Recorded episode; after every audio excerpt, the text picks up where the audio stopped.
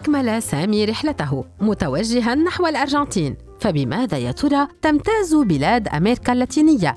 وكيف يحتفل سكان تلك البقعة من الأرض بقدوم العام الجديد؟ في غالبية بلدان أمريكا اللاتينية التي تسمى أيضا بأمريكا الجنوبية يتم تحديد ثروتك التي ستجنيها في العام المقبل وفقا للون ملابسك الداخلية. ويقال إن سكان البلاد تلك يرتدون ملابس داخلية باللون الأحمر ليجلبوا الحب لأنفسهم في العام المقبل. أما اللون الأصفر فيعتبره الكثيرون بأنه يجلب الثروة الكبيرة واللون الوردي فإنه الأحب لقلوب الجميع الذين يرتدونه في تمام الساعة الثانية عشر.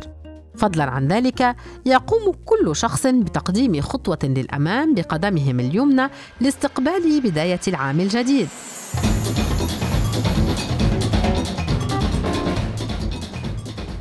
المحطة التالية لسامي كانت البرازيل بلاد الريو. فماذا تخبئ هذه الرحلة من عادات وتقاليد؟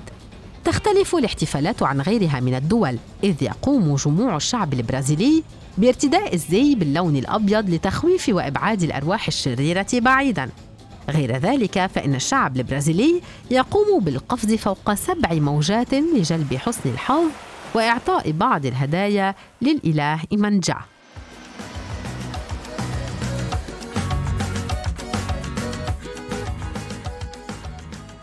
وفي المحطة التالية قرر سامي زيارة كولومبيا حتى التقى بعض أهلها الذين شرحوا له بأنهم يقومون بالتجوال حول الحي الذي يعيشون فيه ويحملون في جولاتهم حقائب سفر فارغة لعام مليء بالسفر لابد من أن يطبق سامي هذه العادة كي يسافر ويزور بلدان كثيرة وهل يمكن أن تنتهي رحلة سامي في البلاد اللاتينية دون زيارة الإكوادور؟